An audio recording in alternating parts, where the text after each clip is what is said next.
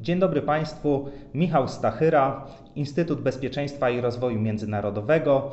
Dzisiaj ponownie goszczę redaktora e, pana Jakuba Wiecha. Będziemy rozmawiać o energetyce.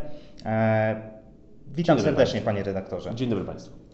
Panie redaktorze, wielokrotnie w naszych odcinkach e, śmiem twierdzić, że z naszych rozmów przebija się niestety nuta takiego trochę pesymizmu. Tak? Mówimy o wzrostach cen energii, mówimy o potencjalnych niedoborach energii w latach 2025-2035 w Polsce, mm, o pewnych zaniedbaniach. Dzisiaj Postarajmy się jak najbardziej pozytywnie e, spojrzeć na te trudne problemy związane z energetyką. No i pomimo tych wszystkich wcześniej poruszanych w poprzednich odcinkach przez nas kwestii, zastanówmy się, czy atom rzeczywiście może uratować polską energetykę? Jakie są szanse, że w ogóle on powstanie i czy powstanie na tyle szybko i w takiej ilości, jeżeli chodzi o moce wytwórcze, aby rzeczywiście stanowił e, no, solidną porcję energii dla polskiej energetyki? To jest bardzo trudne zadanie, porozmawiać o polskiej energetyce w sposób optymistyczny, nie pesymistyczny, natomiast postaram się. Jeżeli chodzi o energetykę jądrową, no to tutaj w zasadzie nie mamy wyboru. To znaczy, ta technologia jest konieczna do zaangażowania, jeżeli chcemy zapewnić Polsce bezpieczną oraz pewną transformację ku y, niskoemisyjności, która będzie jednocześnie trwała i y, stabilna. Y, energetyka jądrowa, jak wskazuje między innymi zespół klimatyczny przy prezesie Polskiej Akademii Nauk, jest konieczna, żebyśmy doszli z naszymi celami klimatycznymi tam, gdzie chcemy, jako Polska, jako kraj. E, bez atomu, bez tych stabilnych 6 do 9 gigawatów w mocach bezemisyjnych, e, które będą pracowały bez względu na warunki pogodowe, nam będzie szalenie ciężko utrzymać e, te kluczowe walory bezpieczeństwa energetycznego, czyli ciągłość dostaw, akceptowalność ceny oraz możliwości techniczne i wykonalność techniczną przy jednoczesnym dbaniu o, o środowisko. Energetyka jądrowa jest tutaj konieczna i bez atomu my się nie ruszymy dostatecznie szybko do przodu w kwestii dochodzenia do neutralności klimatycznej. Panie redaktorze, czy pojawienie się czołowych nazwisk polskich miliarderów przy programie atomowym jest e, jaskółką zwiastującą, że ten program rzeczywiście przyspieszy i stanie się bardzo realny, czy raczej e, stanowi dodatkowy jakiś element, który wcale nie musi oznaczać przyspieszenia i szybszych prac nad wyłonieniem wykonawców? To są bardzo dobre wieści, ale mm, głównie dla spółek, które są zaangażowane w to przedsięwzięcie, czyli na przykład dla e, ZTPAK, dla e, Syntosu, dla KGHM-u, także dla, dla Orlenu, dla Ciechu, bo to są te e, podmioty, które zainteresowały się technologią małych modułowych reaktorów jądrowych, czyli SMR. Natomiast to jest program, który będzie szedł równolegle do, do programu dużych bloków jądrowych w Polsce, gdyż po pierwsze, Technologii e, SMR-ów jeszcze nie ma. To jest coś, co jest dopiero opracowywane głównie w krajach takich jak Stany Zjednoczone, jak Wielka Brytania, jak e, Korea Południowa, jak Chiny. Natomiast e, najdalej posunięte prace są w Stanach Zjednoczonych, gdzie toczą się już postępowania certyfikacyjne w kwestii małych reaktorów jądrowych. Niemniej takich cywilnych jednostek do użytku komercyjnego jeszcze nie ma. Natomiast jeżeli one się pojawią w takiej formie i w takim zakresie, jaką, jakim mają się pojawić, to w przyszłej dekadzie, w latach 30. XXI wieku, będziemy mieli do dyspozycji nowatorską technologię, jeżeli chodzi o przemysł cywilny, która będzie w stanie no, kompensować pewne problemy, z jakimi obecnie mierzy się energetyka jądrowa. To będą jednostki tanie, bo będą produkowane hurtowo w, w ramach pracy seryjnej fabryk oraz to będą jednostki w, zachowujące bezpieczeństwo dużych bloków, a przy tym, przy tym możliwe do lokowania w większej liczbie lo, lokalizacji i dzięki temu no, do, dążąc właśnie do urynkowienia energetyki jądrowej będą tańsze. I to jest e, szalenie, szalenie ważne e, z punktu widzenia takich podmiotów jak właśnie spółki prywatne, które należą do przemysłu energochłonnego, żeby kompensować ten swój e, apetyt energetyczny takimi czystymi mocami, które, które będą stabilne, nie będą wymagały odpowiednich warunków pogodowych do, do pracy i przy niedostatku takich warunków kompensacji innymi, innymi mocami. Natomiast projekt dużych bloków jądrowych, on się będzie rozwijał w Polsce, mam nadzieję, że się będzie rozwijał, ale w sposób już równoległy te małe bloki jądrowe mogą być dopełnieniem e, dużego programu jądrowego, niemniej nie mogą być jego substytutem. No i też e, to jest zbyt duża tutaj ruletka, zbyt duży hazard, żeby stawiać tylko na małe bloki jądrowe. One być może się pojawią, Natomiast czy się pojawią w takim okresie i w takim wymiarze, jeżeli chodzi o koszty, możliwości technologiczne, w jakim ich producenci mówią, że się pojawią, to jeszcze zobaczymy. A w takim razie zastanówmy się, że jeżeli nie atom, a jeżeli atom powiedzmy z opóźnieniem, to może rzeczywiście entuzjaści budowania bloków e, gazowych e, mają rację.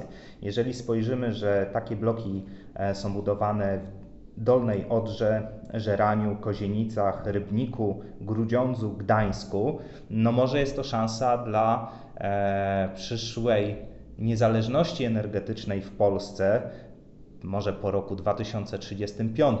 Z tym, że tu na pewno spotkamy się e, z pewnymi opiniami, że po pierwsze, bloki budujemy w miejscach nie do końca przemyślanych, bardziej związanych e, z pewną tradycją, z pewnym umiejscowieniem danych polityków na listach wyborczych w danym regionie i może należałoby rozważyć trochę inne lokalizacje, jeżeli mówimy o bezpieczeństwie energetycznym kraju.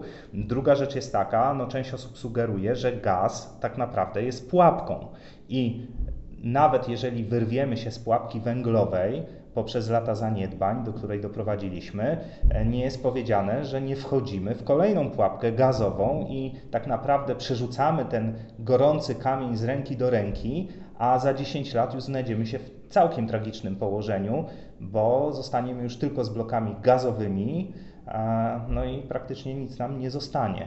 E, jak Pan podchodzi do takich opinii? Gaz na pewno jest pułapką z punktu widzenia naczelnego celu naszej transformacji e, proklimatycznej, gospodarczej jako Unii Europejskiej, czyli neutralności klimatycznej w roku 2050. E, tak naprawdę przyjęcie na serio tego celu no, zakrawa na to, że my będziemy musieli z tego gazu odchodzić na długo przed rokiem 2050. On ma rolę paliwa pomostowego, Natomiast e, długość tego pomostu jest ograniczona w czasie. E, I wchodząc w dużą skalę gazu, jeżeli chodzi o nasz system elektroenergetyczny, my popełniamy te same błędy, które popełnialiśmy w czasie, kiedy uważaliśmy, że nasza energetyczna monokultura węglowa to jest miks, y, jaki zapewni nam długoletnie funkcjonowanie bez względu na to, co się będzie działo w Unii Europejskiej. Po ostatnich podwyżkach cen energii elektrycznej wiemy, że tak jednak y, się nie stało. I odczuwamy w tym momencie konsekwencje naszych zaniedbań. Z gazem może być podobnie. Oczywiście potrzebujemy mocy gazowych w ciągu najbliższej dekady, żeby y, kompensować sobie ubytki z naszego systemu elektroenergetycznego z mocy, jakie musimy odstawiać, między innymi w kogeneracji, w elektrociepłownictwie. Niemniej jest to paliwo też o ograniczonym czasie przydatności do spożycia w Unii Europejskiej. Nie możemy tego ignorować, musimy mieć już strategię na to, co będzie po gazie. A po gazie musimy dążyć, moim zdaniem, w kierunku miksu opartego o energetykę jądrową oraz źródła odnawialne, które mogą ze sobą współpracować i powinny ze sobą współpracować. I to jest dopiero ten docelowy miks, jaki powinien być w Polsce, także w ogóle w skali globalnej, żebyśmy do, no, osiągnęli nasze cele klimatyczne. A co Pan sądzi, e, bo spotkałem się z taką opinią, e, że część osób zauważyła, iż skoro teraz gaz ma być paliwem przejściowym, wydobywającym z głębokiego kryzysu polską energetykę, albo przynajmniej nie dopuszczającym do głębokiego kryzysu, mm, to znowu podeszliśmy trochę tak e, niezbyt rzetelnie, ponieważ e, z jednej strony e, bierzemy gaz mm, prawda, ze Stanów Zjednoczonych, z Kataru. Z drugiej strony wiemy, że istnieje możliwość zakupów energii w Niemczech. No i w związku z tym e, nie przyłożyliśmy się do negocjacji z Gazpromem z góry, stwierdzając, że no nie mamy czego negocjować. Teraz okazuje się, że prawdopodobnie, jeżeli rzeczywiście w ramach e, tutaj redukcji emisji CO2 bloki węglowe będą wygaszane nie tylko w Polsce, no bo Niemcy również używają bloków e, węglowych, prawda? No to może się okazać, że tego gazu zabraknie. Gazu zabraknie dla Unii Europejskiej, e, tu myślę o Katarze, Stanach Zjednoczonych, e, więc ten gaz będzie brany z Rosji. No i teraz te kraje, które wynegocjowały sobie z Gazpromem określone limity, mają już mniej więcej ustalone ceny i wiedzą, co je czekać. Natomiast Polska, która tego nie zrobiła, no może się okazać, że budując bloki gazowe i potrzebując dużego zapotrzebowania na gaz e, importowany, no nagle dostanie takie stawki od Gazpromu e, wynikające z danej sytuacji, które no, spowodują już całkowitą nieopłacalność tego przedsięwzięcia. Czy tu nie widzimy pewnego zagrożenia? Co by Pan powiedział osobom, które zwracają na to uwagę? To jest tak naprawdę zależne od tego, w jakim tempie będą, będą postępować e, prace w zakresie gazyfikacji Polski. Tej gazyfikacji w kwestii dużej energetyki, czyli stawiania nowych mocy gazowych, ale też tej gazyfikacji w kontekście prac prowadzonych przez Polską Spółkę Gazownictwa, czyli rozprzestrzeniania się sieci gazowniczej na Polskę, w gazyfikacji w, w ramach programów Czyste Powietrze, czy, czy w ogóle dążenia właśnie Polaków do, do zmiany opalania, systemu opalania swoich, swoich domów, e, bo to też jest zauważalny trend. Nasze zapotrzebowanie rośnie w bardzo szybkim tempie i w ciągu ostatnich pięciu lat skoczyło o prawie 5 miliardów metrów sześciennych rocznie. To jest bardzo dużo. E, oczywiście e, zarówno rząd, jak i spółki gazowe jasno stawiają sprawę, mówiąc, że gazu nam nie zabraknie, że mamy zagwarantowane umowy chociażby ze stroną amerykańską, która ma nam dostarczać ponad 12 miliardów metrów sześciennych gazu już w niedługim czasie i do tego posłuży infrastruktura odbiorcza w zakresie terminala LNG w Świnoujściu, y, czy planowane jednostki typu FSRU w Zatoce Gdańskiej. Mamy gazociąg Baltic Pipe, którego y, moc przesyłowa ogólnie wynosi 10 miliardów metrów sześciennych. Mamy plany własnego wydobycia y, w, i zwiększenia go zarówno ze źródeł konwencjonalnych, czyli z tych pokładów gazu, które mamy, to jest y, mniej więcej 4 miliardy metrów sześciennych rocznie, plus wydobycia, no, można powiedzieć, niekonwencjonalnego, czyli pozyskania biometanu z, z biomasy. Gdzieś tam w tle jest jeszcze projekt metanu z kopalni węgla. Więc to są przedsięwzięcia, które mogą przełożyć się na taki koszyk y, podażowy w Polsce, jeśli chodzi o błękitne paliwo, żebyśmy mieli y, tak y, no, dostatecznie dużo surowca bez konieczności negocjowania, czy to ze stroną rosyjską, czy może skupowania go po stronie niemieckiej, gdzie trafiałby na, e, w, w kanwie przesyłu go przez magistralę Nord Stream. E, oczywiście uzależnianie się od Rosji jest w Polsce postrzegane jako błąd strategiczny kwestii y, paliwa gazowego i poniekąd no, trudno, tutaj, trudno tutaj y, się y, nie zgadzać z argumentami, biorąc pod uwagę chociażby to, co robi Gazprom w tym momencie na europejskim podwórku gazowym. Gazprom bowiem ogranicza podaż gazów, sztucznie windując ceny, legendując w ten sposób projekt Nord Stream 2 i domagając się od Europy, naciskając na Europę, żeby jak najszybciej certyfikowała to połączenie, żeby potem te ceny obniżyć, ustabilizować. To jest działanie polityczne. Gazprom jest spółką państwową, rosyjską spółką państwową, która jest wykorzystywana do realizacji partykularnych interesów Kremla. To jest coś, co widać naprawdę bardzo dobrze na, na przestrzeni ostatnich kilkunastu lat. I yy, traktowanie Gazpromu jako normalnego odbiorcy jest nieuzasadnione z tego punktu widzenia. E, przepraszam, normalnego dostawcy. E, dlatego też uniezależnienie się od Rosji jest jak najbardziej interesem strategicznym. Pytanie, czy gazu wystarczy? Oczywiście biorę pod uwagę możliwość, że e, będziemy w pewnym deficycie. I teraz pytanie, czy uda się wynegocjować jakiś kontrakt z Rosjanami, być może niewielki, na dosłownie kilka miliardów metrów sześciennych po cenach rynkowych, bo wiemy, że Rosjanie, którzy są wyganiani z rynku, dopuszczają takie możliwości właśnie grania pewnymi upustami, atrakcyjnymi cenami, żeby przyciągnąć, by zachować część chociaż kontroli nad danym rynkiem. To było na Litwie, kiedy Litwini uruchomili swój terminal LNG w Kłajpedzie, pływający terminal typu FSRU. Wtedy Rosjanie, przerażeni groźbą utraty rynku litewskiego, zaoferowali Litwinom znacznie niższe ceny gazu. E, to może, się nastąpić, to może też nastąpić w Polsce. Wręcz zakładam, że Rosjanie rzucą w przestrzeń medialną takie informacje na temat tego, że oferują nam niesamowicie niskie ceny gazu, znacznie niższe niż, e, niż te z e, innych kierunków, z, którego, z których pozyskujemy. To jest też forma gry politycznej, jaką Rosja prowadzi, gry polityczno-gospodarczej, mówiąc dokładnie.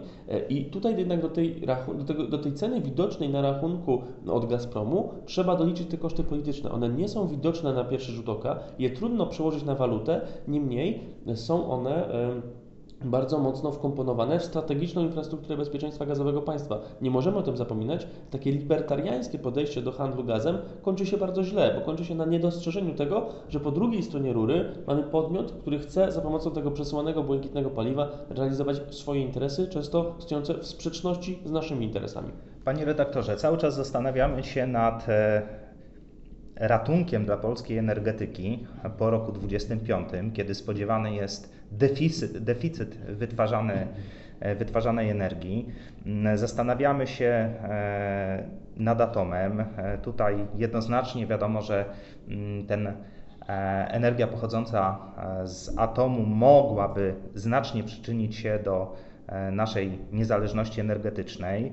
Mm, tak jak przed chwilą podsumowaliśmy, gaz na pewno jest rozwiązaniem przejściowym, na pewno dość szybko mogącym być wprowadzonym, tak więc mogącym w jakiś sposób przeciwdziałać tym spodziewanym niedoborom.